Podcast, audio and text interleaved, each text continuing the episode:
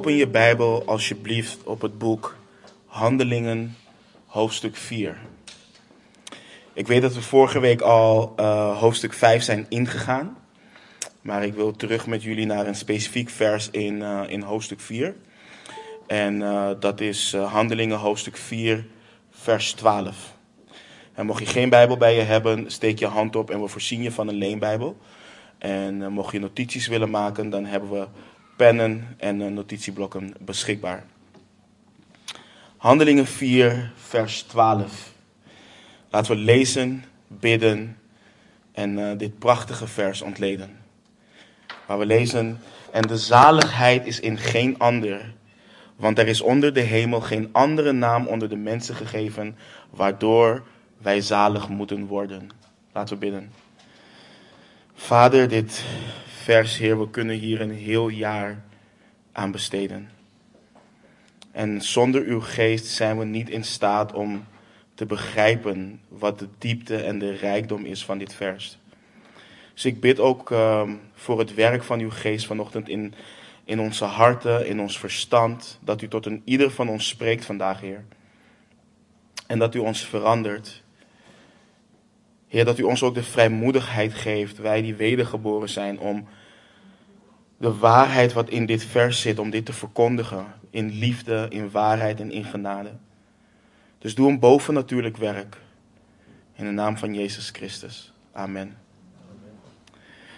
Tijdens het voorbereiden van, uh, van de studies heeft God het op mijn hart gelegd om wat betreft vers 12 van hoofdstuk 4 uh, de diepte in te gaan. En voor jullie beeldvorming, wanneer dit soort dingen gebeuren uh, met dit soort versen, ben ik in het begin altijd enorm enthousiast en vurig om dit te gaan behandelen. En telkens wanneer we dichter bij de zondag komen, dan ervaar ik strijd en dan denk ik, Heer, heb ik uw stem wel goed verstaan? Heb ik, u wel, heb ik uw wil goed begrepen? Um, we hebben het zoveel over zaligmaking. Is het nodig dat ik in een gemeente vol met beleidende christenen een vers als Handelingen 4 vers 12, uh, Handelingen 4 vers 12 uiteen ga zetten? En het antwoord is altijd duidelijk ja. Want ook al weten we dat er geen andere naam is onder de mensen uh, gegeven waardoor wij zalig moeten worden, mogen we als beleidende christenen ons ontzag voor dit nooit verliezen. Uh, ook al wandelen we 1, 3, 5, 10 jaar of 15 plus jaar met de Heer, uh, we kunnen en horen um, nooit ons ontzag hiervoor te verliezen en kunnen ook nooit genoeg horen over het ontzagwekkende werk van de Heer Jezus Christus om mensen te redden en te verzoenen met God. En ik weet niet of hier vandaag iemands hart koud is geworden voor de Heer. Ik weet ook niet wie de Heer gaat brengen op een zondag. Dus in gehoorzaamheid wil ik met jullie kijken um, naar dit vers. Uh, dus, en de zaligheid is in geen ander, want er is onder de hemel geen andere naam onder de mensen gegeven waardoor wij zalig moeten worden. En dit vers leert ons in de basis drie dingen die in het hart van het evangelie liggen. En ik dacht dus eerst dat we dit in één week zouden gaan behandelen, maar dit worden drie weken. Um, en dit vers leert ons drie punten, drie hele belangrijke punten. Eén, dat mensen zalig moeten worden. Twee, dat mensen alleen zalig kunnen worden door geloof in Jezus Christus, door geloof in Zijn naam. En dat mensen alleen zalig kunnen worden door geloof, dat, dat mensen alleen zalig kunnen worden door geloof in Jezus Christus. Dat dat alleen Gods pure en onverdiende genade is aan zondige mensen. En mijn gebed is dat deze studies meer vreugde in onze harten brengt uh, voor wat de Heer Jezus heeft gedaan. Dat het ons ook toerust in het simpele evangelie delen met de mensen om ons heen die verloren zijn. En wellicht mensen die hier zijn of terugluisteren en nog geen persoonlijke relatie met Jezus Christus hebben, hun leven aan Hem geven. Dus laten we daar kijken. En, en voor jullie beeldvorming ook. Um, voor sommige mensen, als we het, want we gaan veel over zonde praten. En voor sommige mensen is dat confronterend, niet leuk. Um, en, en, en willen we heel graag praten over het goede nieuws. Het goede nieuws, gewoon dat Jezus Christus is gestorven. Maar mensen zullen nooit begrijpen hoe goed dit nieuws is. Als ze echt begrijpen hoe het er met hun ziel voor staat. Als je geen behoefte hebt aan een redder, zal je hem ook nooit aannemen. Dus laten we vandaag kijken ehm, bij het eerste, en dat is dat mensen zalig moeten worden. En, en kijk naar het woord moeten in het vers uh, 12. Want het is een woord waar we zo overheen kunnen lezen. Maar het is een essentieel, het is een belangrijk woord in dit vers. En ik ben in het Grieks gaan kijken naar wat dit inhoudt. Want soms kun je te maken hebben met de beperkte Nederlandse taal die wij hebben. En dat de vertalers niets anders konden dan het woord moeten gebruiken. Terwijl de oorspronkelijke tekst misschien iets anders bedoelt. Maar in dit geval is dat niet zo. Dit is echt de juiste vertaling. En als je kijkt naar wat het Grieks daadwerkelijk zegt, dan doet het je wel twee of drie keer nadenken.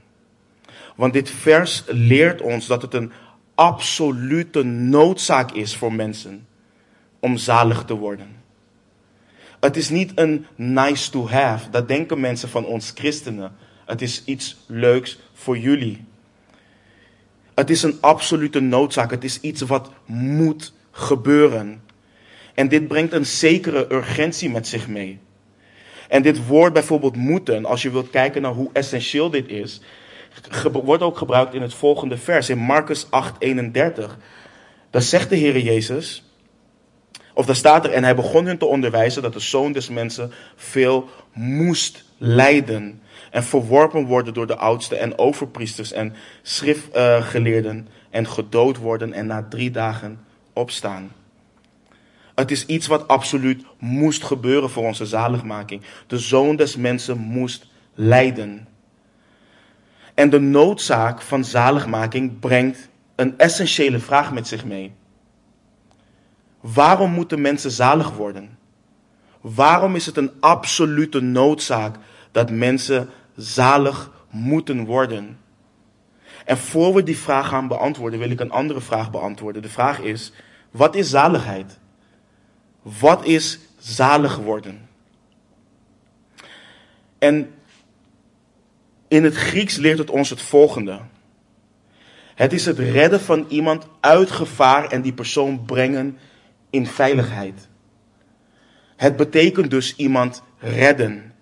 Zaligheid of zalig worden is dat God iemand redt van de ondergang, van vernietiging en die persoon brengt in de veiligheid van God. Dit is wat er gebeurd is met iedere wedergeboren discipel van Jezus Christus. En ieder die vandaag hier zit en of terugluistert en zijn of haar leven heeft gegeven aan Jezus Christus, is gered van de ondergang. Die persoon is gered van vernietiging en is gebracht in totale veiligheid van God. En ik ga hier wat later, of, wat dieper op in. Maar dit brengt ons dus naar de vraag die ik eerder stel, stelde. Waarom moeten mensen zalig worden? Waarom is het een absolute noodzaak? En ik gaf het in de definitie van zaligmaking, gaf ik het eigenlijk al aan. Mensen moeten gered worden van de ondergang. Mensen moeten gered worden van vernietiging en in veiligheid gebracht uh, worden. En voor je denkt, ja, ik, ik, ik voel helemaal niet dat ik in gevaar ben, want dat kan. Dit gaat, in, dit gaat in zekere zin ook niet om de fysieke toestand van een persoon. Dit gaat om de ziel van een mens. Dit gaat om onze zielen. En we leven in een wereld waarin de wetenschap ons wil doen geloven dat het universum en het leven binnen dit universum het resultaat is van een kosmisch ongeval. Alles is een toevallige explosie. Dat is wat materie bracht, dat is wat het leven bracht. En daarom is de mens ook aan niemand anders dan zichzelf verantwoording schuldig. Daarom heeft de mens ook geen, uh, in het leven geen hoger doel of hogere betekenis. En is de mens daarom verantwoordelijk voor zijn of haar eigen geluk. Ook al gaat het ten koste van een ander. Zolang jij zelf maar gelukkig bent. En we hoeven hier niet lang bij stil te staan om te horen hoe absurd dit klinkt. Maar ik ben hier niet om de wetenschap belachelijk te maken. Ik ben hier om te verkondigen wat God zelf zegt over het leven en over de mens. God leert ons namelijk door de Bijbel dat Hij in het begin de hemel en de aarde maakte. Hij maakte het universum door het universum haar bestaan in te spreken. In Genesis, als jullie in je Bijbel gaan, versen die jullie allemaal kennen. In Genesis 1, vanaf vers 1, lezen we het volgende. In het begin schiep God de hemel en de aarde. De aarde nu was woest en leeg en duisternis lag over de watervloed. En de geest van God zweefde boven het water. En God zei, laat er licht zijn. En er was licht. En God zag het licht dat het goed was. En God maakte scheiding tussen het licht en de duisternis. En God noemde het licht dag en de duisternis noemde hij nacht. Toen was het avond geweest en het was morgen geweest, de eerste dag. Dit is wat de Bijbel ons leert over het ontstaan van het universum. En de mensen die hun Bijbel kennen, die weten hoe het scheppingsverhaal verder gaat. Maar later in Genesis 1, vanaf vers 26, lezen we het volgende. En God zei: Laten wij mensen maken naar ons beeld, naar onze gelijkenis. En laten zij heersen over de vissen van de zee, over de vogels in de lucht, over het vee, over heel de aarde en over al de kruipende dieren die over de aarde kruipen. En God schiep de mens naar zijn beeld, naar het beeld van God schiep hij hem, mannelijk en vrouwelijk schiep hij hen. En vervolgens lezen we in het volgende hoofdstuk, vanaf vers 15, het volgende. De Heere God nam de mens en zette hem in de hof van Eden om die te bewerken en te onderhouden. En de Heere gebood de mens, van alle bomen van de hof mag u vrij eten, maar van de boom van, van de kennis van goed en kwaad, daarvan mag u niet eten. Want op de dag dat u daarvan eet, zult u zeker sterven. Dus God plaatst de mens in de hof van Eden om die te bewerken en te onderhouden. En God zegt ook dat de mens van alle bomen vrijuit mag eten. God communiceert met de mens. Er is een relatie tussen God en de mens. En een ding wat belangrijk is in elke relatie, en dat kan iedereen hier beamen, is vertrouwen. Want God geeft de mens vrijheden, maar hij geeft de mens ook kaders. En als de gever van het leven, als de auteur van het leven, heeft God het recht om en, en de totale autoriteit om dit te doen. Maar dit brengt een probleem voor ons als mensen met zich mee. Want we horen het vandaag de dag heel veel. Wie denkt God wel niet te zijn om mij te komen vertellen wat ik wel of niet mag doen? En dit is niet alleen iets bij diehard atheïsten. Dit is ook bij beleidende christenen. Je hoort uitspraken als de God die ik dien, die zal nooit X, Y, Z doen. Mijn God zal dit nooit zeggen of dit verbieden. En dat kan inderdaad, want wat we horen is dat je een eigen God hebt gemaakt en niet wilt luisteren naar de enige echte God die er is. De God van de Bijbel. En het probleem hierin zit hem dus in vertrouwen. Vertrouwen wij God? En dit lijkt een simpele vraag waarop we heel makkelijk ja kunnen zeggen als beleidende christenen. Maar zo simpel is die vraag niet. Althans niet voor mensen, want vertrouwen we God in alles. Ook in de dingen die we niet begrijpen. Ook in de dingen waar we ons oncomfortabel bij voelen of waar we een onzeker gevoel bij krijgen. De eerste mensen Adam en Eva leefden in een relatie met God. Een persoonlijke, intieme relatie met God. Maar die relatie is gebroken. En in Genesis 3, vanaf vers 1, lezen we hoe. De slang nu was de listigste onder alle dieren van het veld, die de Heere God gemaakt had. En hij zei tegen de vrouw, is het echt zo dat God gezegd heeft, u mag niet van alle bomen in de hof, u mag niet eten van alle bomen in de hof?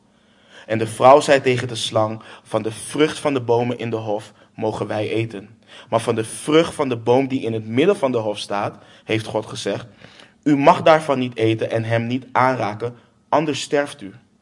Toen zei de slang tegen de vrouw: U zult zeker niet sterven. Maar God weet dat op de dag dat u daarvan eet, uw ogen geopend zullen worden en dat u als God zult zijn, goed en kwaad kennend. En de vrouw zag dat die boom goed was om ervan te eten en dat hij een lust was voor het oog. Ja, een boom die begerenswaardig was om er verstandig door te worden. En zij nam van zijn vrucht en at, en zij gaf ook wat aan haar man die bij haar was, en hij at ervan. Toen werden de ogen van beiden geopend en zij merkten dat zij naakt waren. Zij vlochten vijgenbladeren samen en maakten voor zichzelf schorten. We zouden hier een studie op zich van kunnen doen en dat, laten we voor de toekomst. Maar let op een aantal dingen die gebeuren. De slang, de Satan, die komt naar de vrouw en begint gelijk met het zaaien van twijfel over wat God heeft gezegd. Is het echt zo dat God heeft gezegd? En de vrouw blijft vasthouden aan Gods woord. Maar dan gaat de Satan er echt voor. Hij noemt God als eerste een leugenaar. U zult zeker niet sterven. Terwijl we hebben gelezen dat God zei, want op de dag dat u daarvan eet, zult u zeker sterven. Daarnaast doet hij de vrouw denken dat God wat voor hun heeft achtergehouden. Dat God hun dom heeft gehouden en hun heeft, en hun heeft onthouden van iets wat goed is. En let op wat de Satan zegt. Maar God weet dat op de dag dat u daarvan eet, uw ogen geopend zullen worden en dat u als God zult zijn, goed en kwaad kennend. En let op het effect hiervan op de vrouw. En de vrouw zag dat die boom goed was om ervan te eten en dat hij een lust was voor het oog. Ja, een boom die begerenswaardig was om er verstandig door te worden. Satan zei tegen God, tegen Eva, jullie kunnen God helemaal niet vertrouwen. Hij wil niet wat goed voor jullie is. En voor ons is dit een tip hoe hiermee om te gaan wanneer de wereld tegen ons zegt: jullie, jullie zijn toch niet dom? Jullie volgen toch een, een sprookje. De Bijbel of jouw geloof is een beperking voor jou. Het houdt je dom, het houdt je achter. En dit is geen argument wat de slimme wetenschapper heeft bedacht. Dit is exact wat de Satan heeft gezegd tegen Eva. Om Eva te overtuigen van het feit dat God niet te vertrouwen is. Dat is hoe de wereld die leeft overeenkomstig de wil van de aanvoerder van de macht in de lucht denkt. God wil mij beperken in mijn leven en alles van mij afnemen wat goed is. Ik kan zo'n God niet vertrouwen en niet navolgen. En dit is waar de relatie tussen de mens en God brak. De mens had het vertrouwen van God beschaamd door ongehoorzaam te zijn en hem de oorlog te verklaren. Wij weten het beter. We hebben geen God nodig. We kunnen zelfverstandig worden en zelf bepalen wat goed en wat kwaad is. Dit is wat wij kennen als de zondeval. En voordat we denken, ja maar van één vrucht eten en God was klaar met de mensen, dat, dat lijkt me een beetje intolerant. We moeten goed begrijpen wat hier gebeurt. Het moment dat Adam en Eva hiervan aten, hebben zij zichzelf afgesneden van God.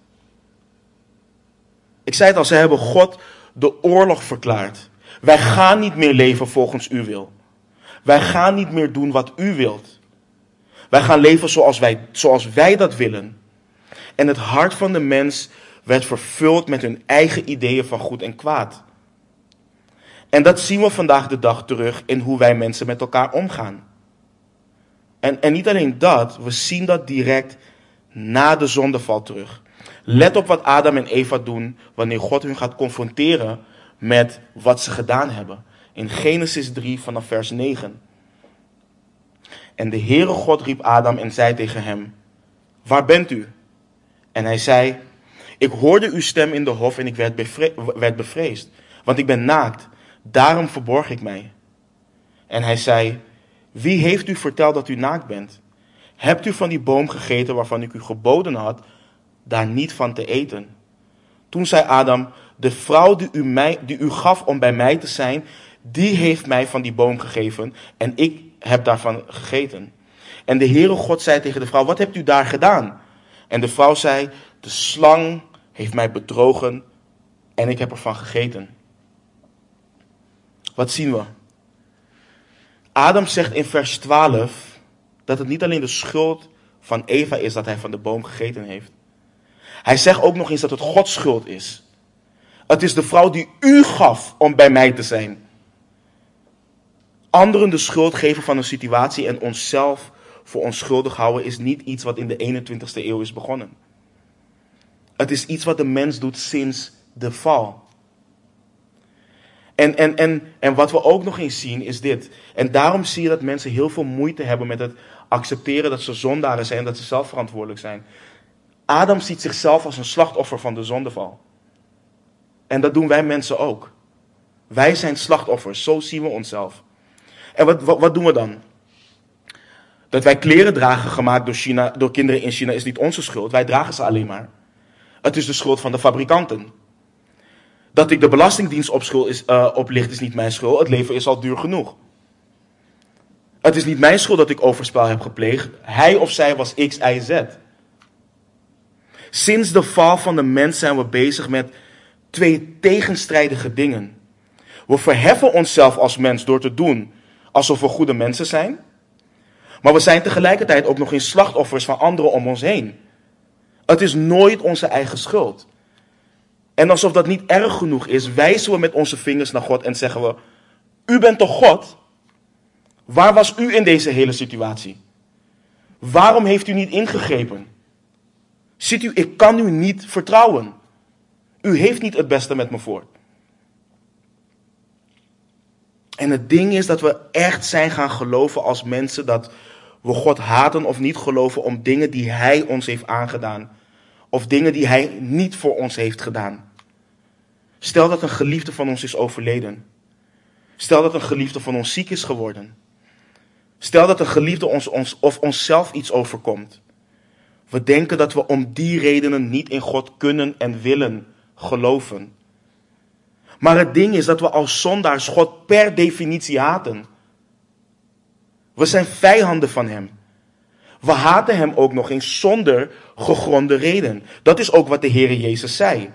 In Johannes 15, vanaf vers 24 lezen we dat Hij zei, als ik onder hen niet de werken gedaan had, die niemand anders gedaan heeft, hadden zij geen zonde. Maar nu hebben zij ze gezien, maar nu hebben zij ze gezien en mij en mijn vader gehaat. Maar het woord moet vervuld worden dat in hun wet geschreven is. Zij hebben mij zonder reden gehaat.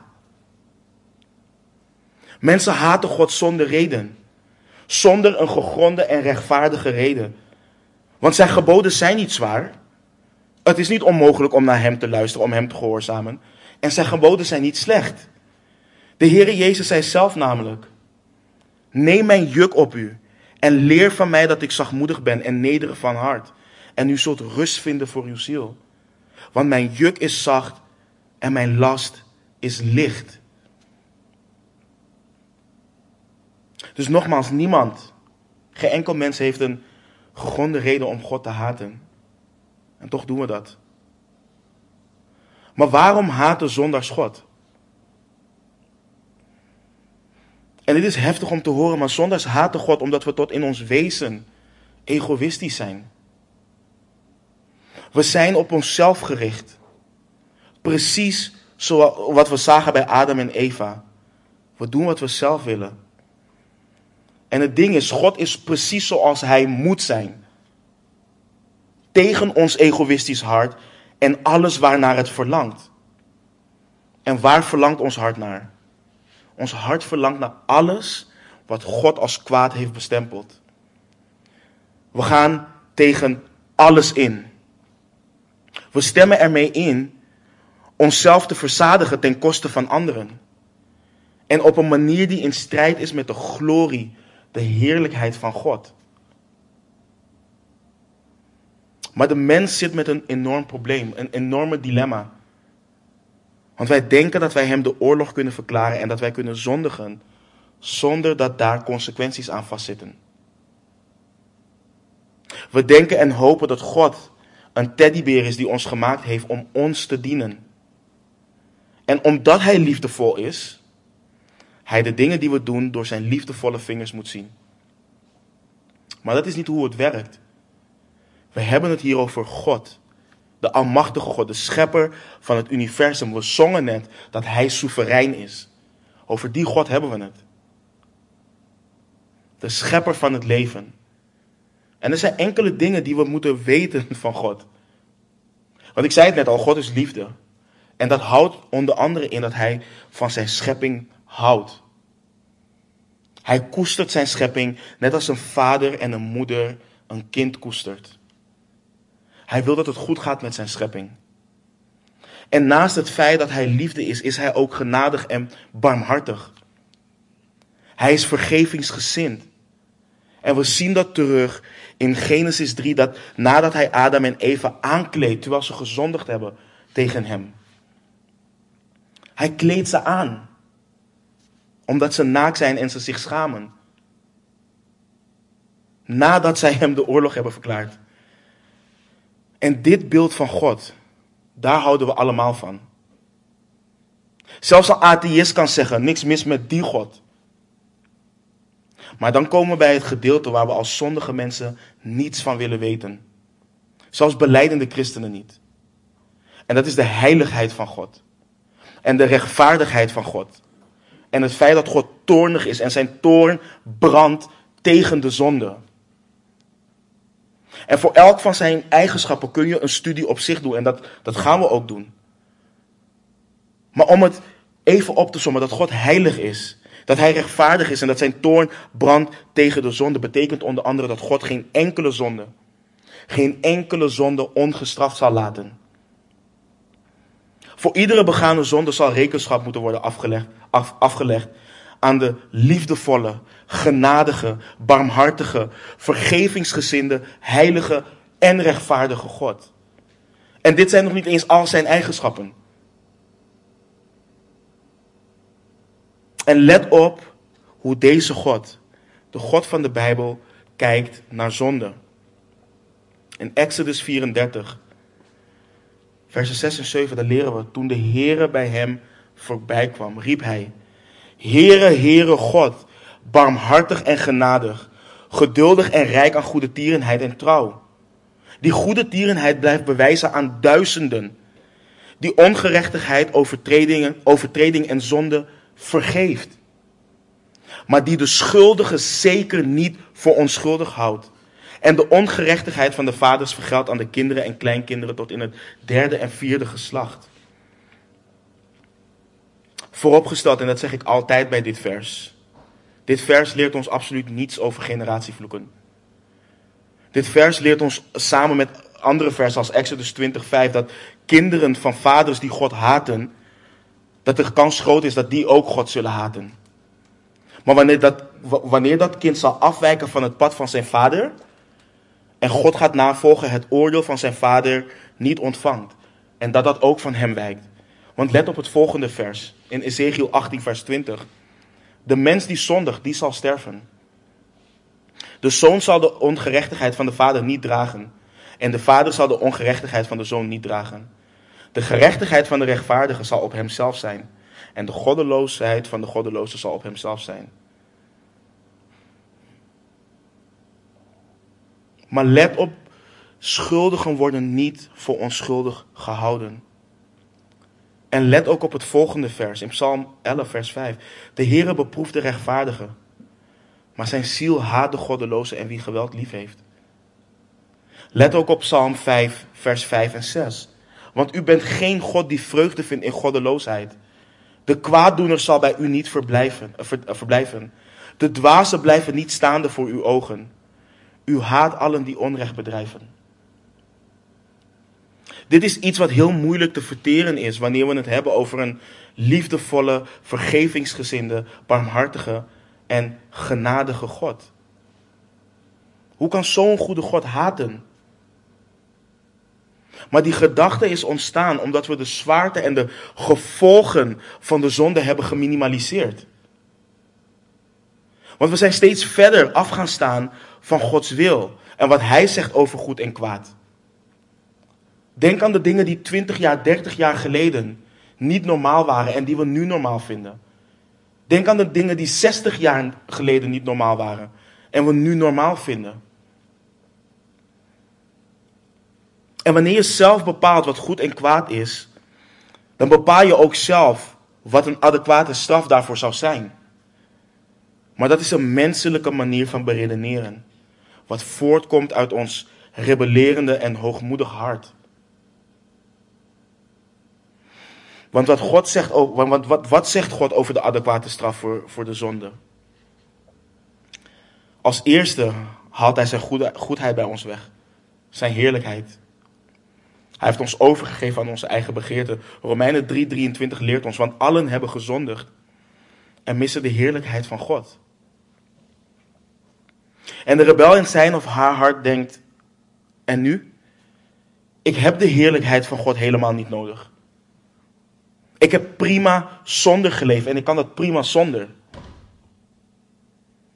Maar dit vers impliceert juist van niet. We missen de heerlijkheid van God. En dat komt dus door het feit dat we alle gezondig hebben. Dit leert ons dat we gemaakt zijn om in de heerlijkheid van God te leven. Niet zonder. We zijn gemaakt om dichtbij en met Hem te leven. Om Zijn goedheid ieder moment van de dag te ervaren en te aanschouwen. Dat is waarvoor we gemaakt zijn. Maar dat is nu niet zo. En omdat we comfortabel zijn in onze zonde en niets anders doen dan God de oorlog verklaren, zegt God wat onze straf is. En dat leren we in Romeinen 6:23. Want het loon van de zonde is de dood. En de oplettende weet dat dit vers daar niet ophoudt. Maar daar gaan we zo verder op in. Maar de dood, zegt Gods woord, de eeuwige dood.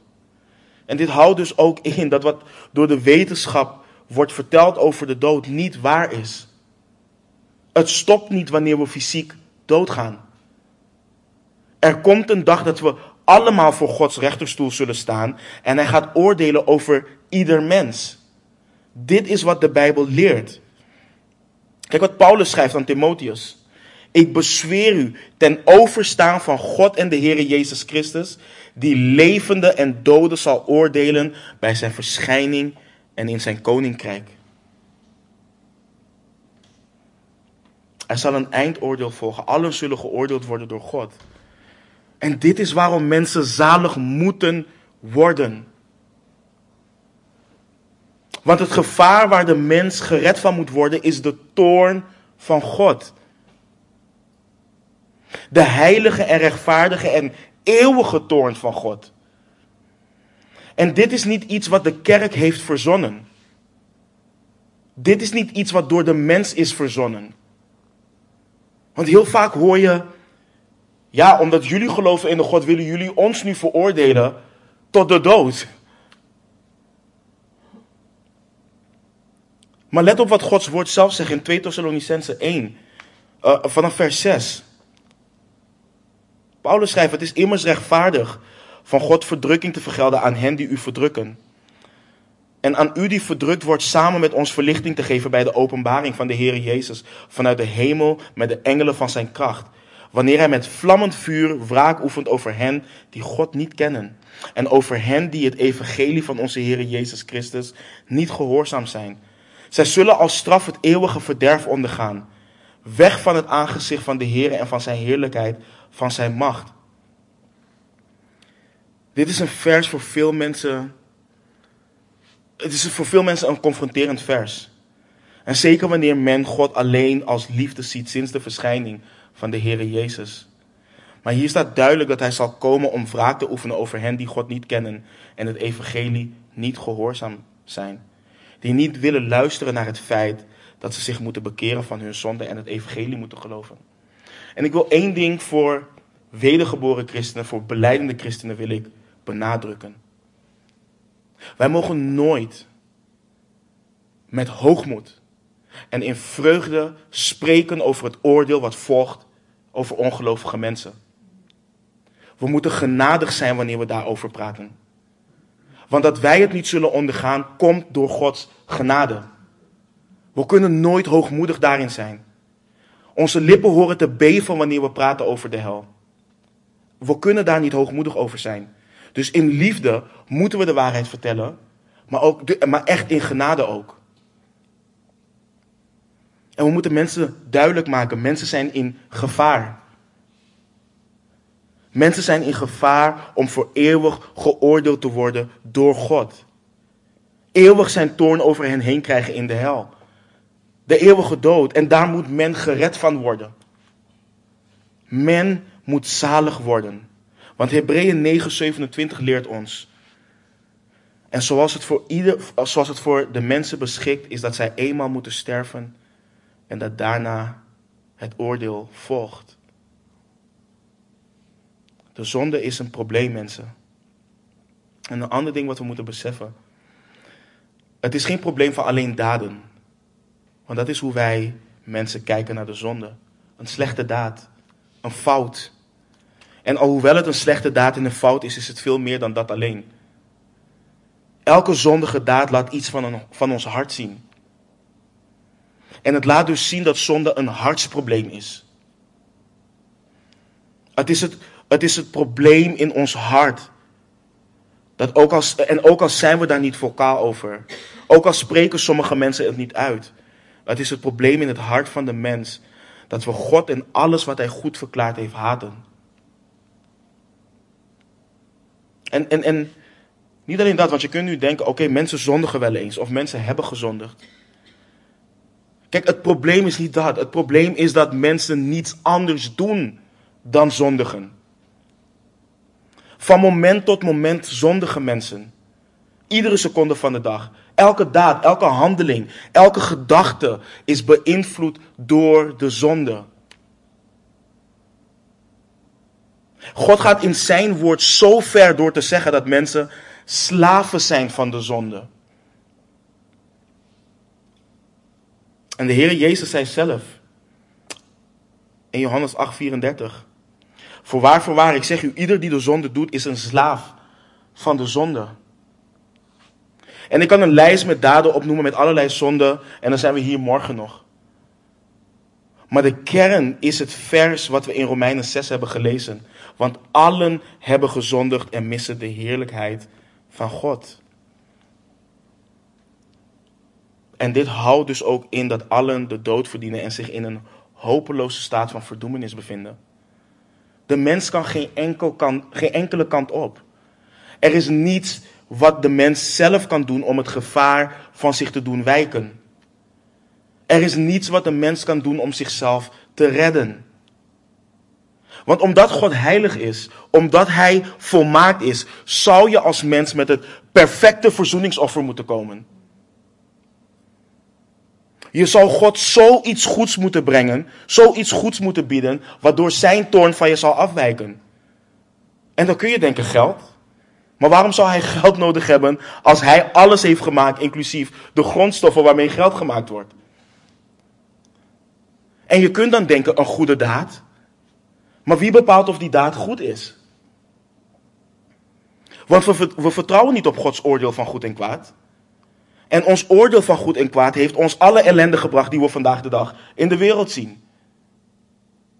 Elke daad van geweld, elke oorlog, elke ziekte, elke hongersnood, elke ruzie, elke tragedie wat plaatsvindt, kan worden herleid tot de Hof van Eden waar Adam en Eva ervoor kozen om God de rug toe te keren. En niet alleen Adam en Eva kozen daarvoor. Wij doen dat ook. Want Adam heeft de zonde doorgegeven aan zijn nageslacht. Wat, wat, wat lezen we in Romeinen 5:12?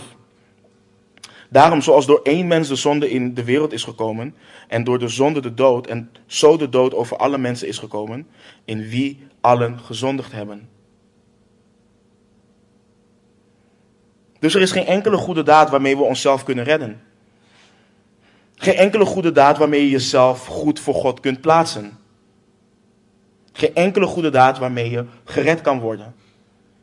En in Jesaja 64, 6 leert Gods woord ons dat al onze rechtvaardige daden, al onze goede daden voor God zijn als een bezoedeld kleed.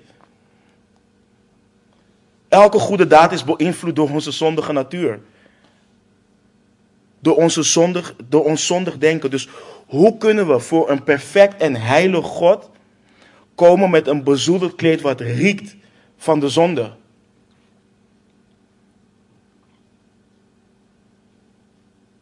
Dit laat zien hoe wanhopig we zijn. God wil een volmaakt offer. Verzoening, vrede met God vereist een perfect en smetteloos offer. En voel je de wanhoop al, want wie of wat kan de mens dan nog redden? Hoe kan een mens gered worden? Want God zegt, zegt, zegt zelf: er is niemand rechtvaardig, ook niet één. Er is niemand die verstandig is. Er is niemand die God zoekt. Allen zijn zij afgedwaald. Samen zijn zij nutteloos geworden. Er is niemand die goed doet. Er is zelfs niet één. En ga dit niet tegen ons ego in. Ga dit niet tegen ons gevoel in dat we helemaal niet zo slecht zijn.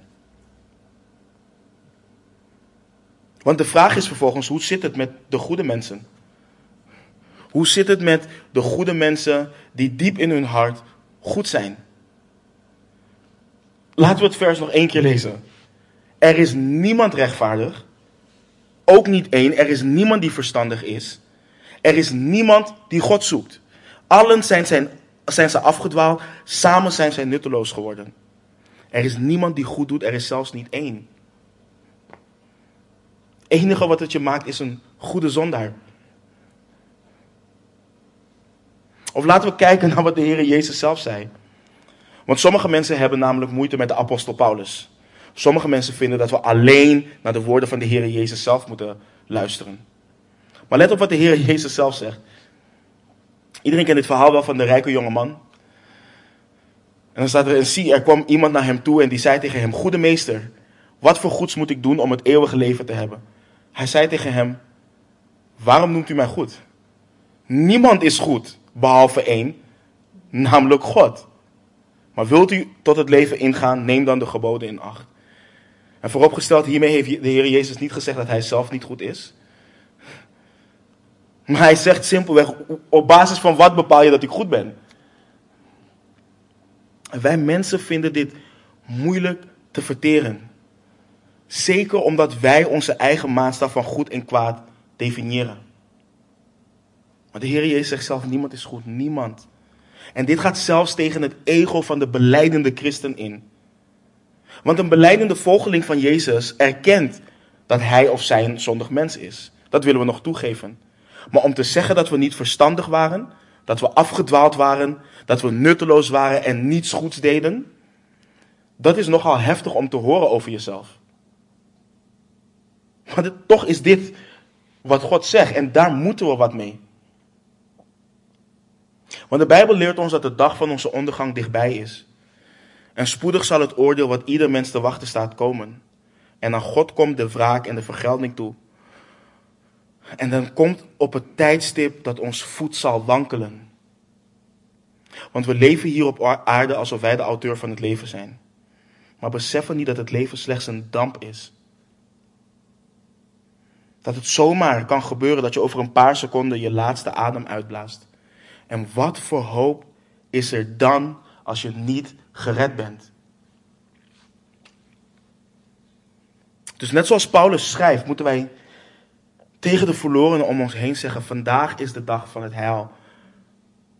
Vandaag is de dag van jullie redding. En dan gaan we naar het vers, het volledige vers. Want het loon van de zonde is de dood, maar de genadegave van God is eeuwig leven door Jezus Christus onze Heer. Dit is het volledige vers, wat we zojuist voor de helft hebben gelezen. Want in tegenstelling tot wat mensen denken, God laat ons namelijk niet achter in die wanhopige staat. God wil niet dat enige verloren gaan, maar dat allen, allen tot bekering komen. Dat ieder mens zijn leven geeft aan de Heer Jezus Christus. Hij wil dat we erkennen dat we zondaren zijn. En dat het enige wat we verdienen zijn toorn is. Maar dat we ons onderwerpen aan Hem. En Hem danken voor het feit dat Hij in zijn genade zijn zoon heeft gegeven. Zijn zoon die voor ons aan het kruis is gegaan. En ik verbaas me altijd over een vraag. De wereld vraagt en stelt: hoe kan een liefdevol en rechtvaardig God mensen naar de hel sturen? En de vraag laat de absolute hoogmoed in ons hart zien.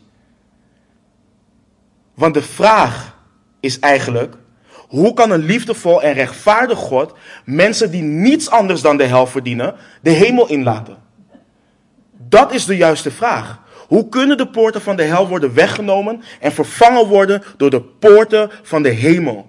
Voor mensen die alleen de hel verdienen. En Paulus geeft een prachtig antwoord. En hij zegt: Dit is een betrouwbaar woord in alle aanneming waard dat Christus Jezus in de wereld is gekomen om zondaars zalig te maken, van wie ik de voornaamste ben.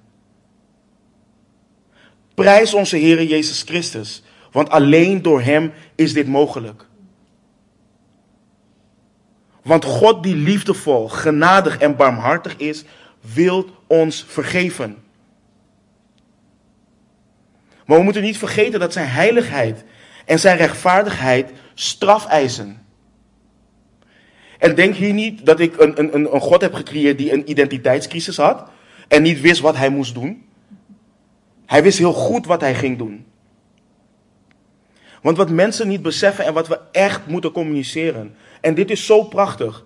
Want op het kruis hebben genade, barmhartigheid, heiligheid en rechtvaardigheid elkaar ontmoet. Aan het kruis waar de Heer Jezus voor zondaar stierf. Daar werd de vraag beantwoord: hoe kan een heilig God zondaren in de hemel laten en alsnog heilig en rechtvaardig blijven? Hoe kan ik in eeuwigheid met hem leven zonder dat ik verteerd word door zijn toorn? Want Jezus Christus, het lam van God, dat de zonde van de wereld wegneemt, heeft het mogelijk gemaakt dat zondaren zoals jij en ik verzoend kunnen worden met God. Dat wij vrede kunnen hebben met God. Want aan het kruis droeg Hij onze zonden. Aan het kruis dronk Hij de drinkbeker van Gods toorn, die jij en ik in eeuwigheid horen te drinken. Het volmaakte verzoeningsoffer dat wij onvolmaakte mensen niet konden brengen, gaf God onszelf. Is dat geen genade? Hij heeft in zijn volledige volmaaktheid het volmaakte offer gegeven, zodat ieder mens die in hem gelooft, ieder mens die zich werpt op Jezus Christus, gered kan worden. En ik herhaal wat ik eerder al zei, en dit moeten we ook benadrukken. Dit is geen nice to have. Dit is geen oh wat leuk voor jou. Dit is wat ieder mens nodig heeft. En betekent dit dat we ons geloof aan anderen opdringen? Houd dit in dat wij anderen kunnen bekeren? Alles behalve dat. De apostel Johannes schreef zelf. Maar allen die hem aangenomen hebben, hun heeft hij macht gegeven kinderen van God te worden. Namelijk die in zijn naam geloven, die niet uit bloed, niet uit de wil van vlees en ook niet uit de wil van een man, maar uit God geboren zijn.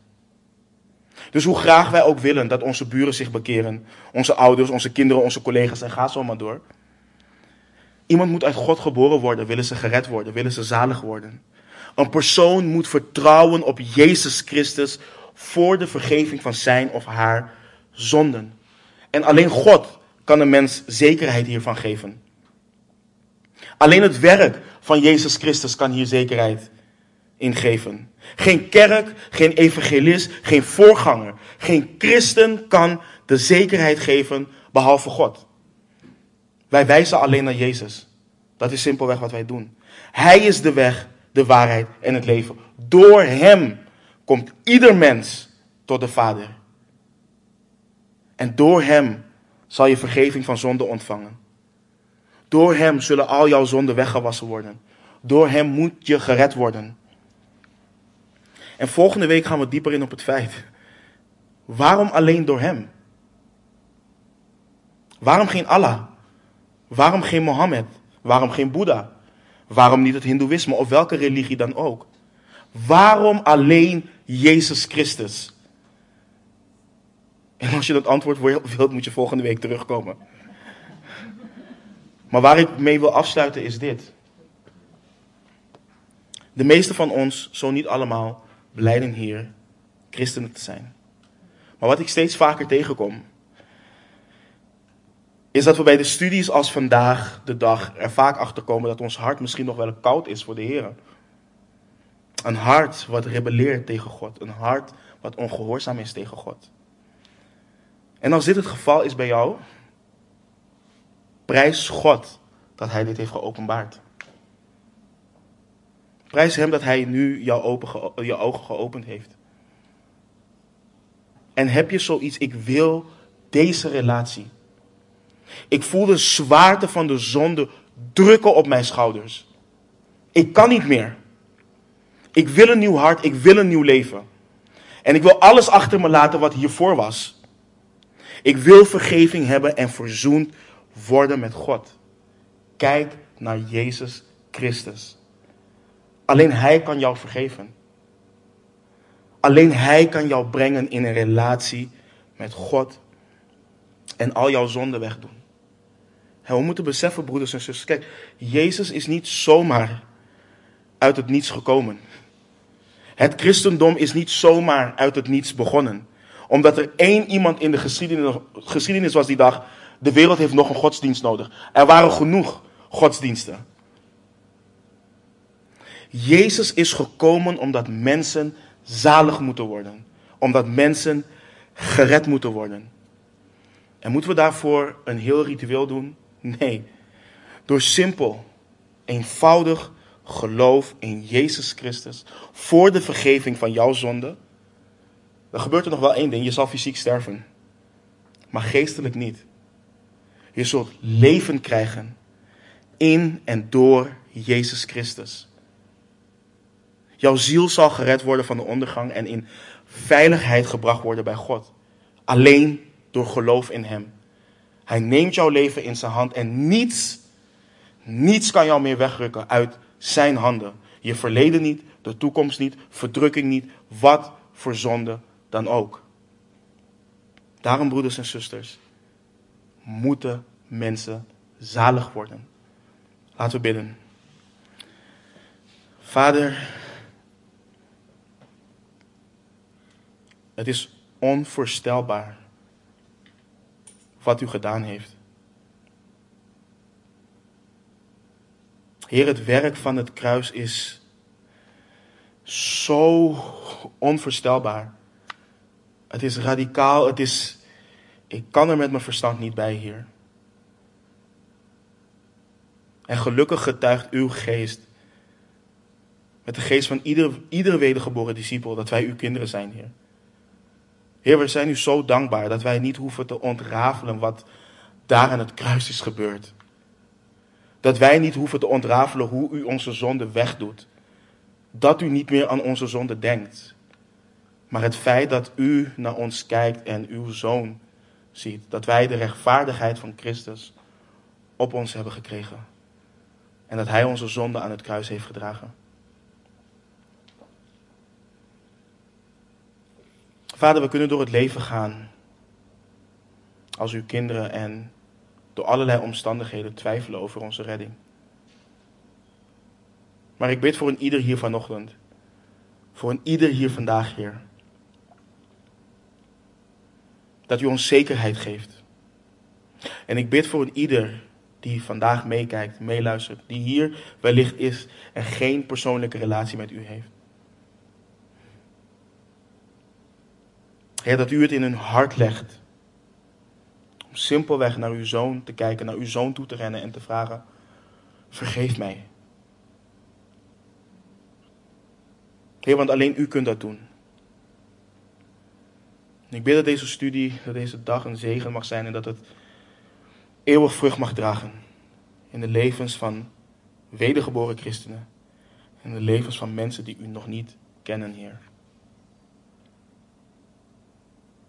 We loven en prijzen uw naam en danken u nogmaals voor het ontzagwekkende werk van uw Zoon aan het kruis. In de machtige naam van Jezus Christus bidden wij. Amen.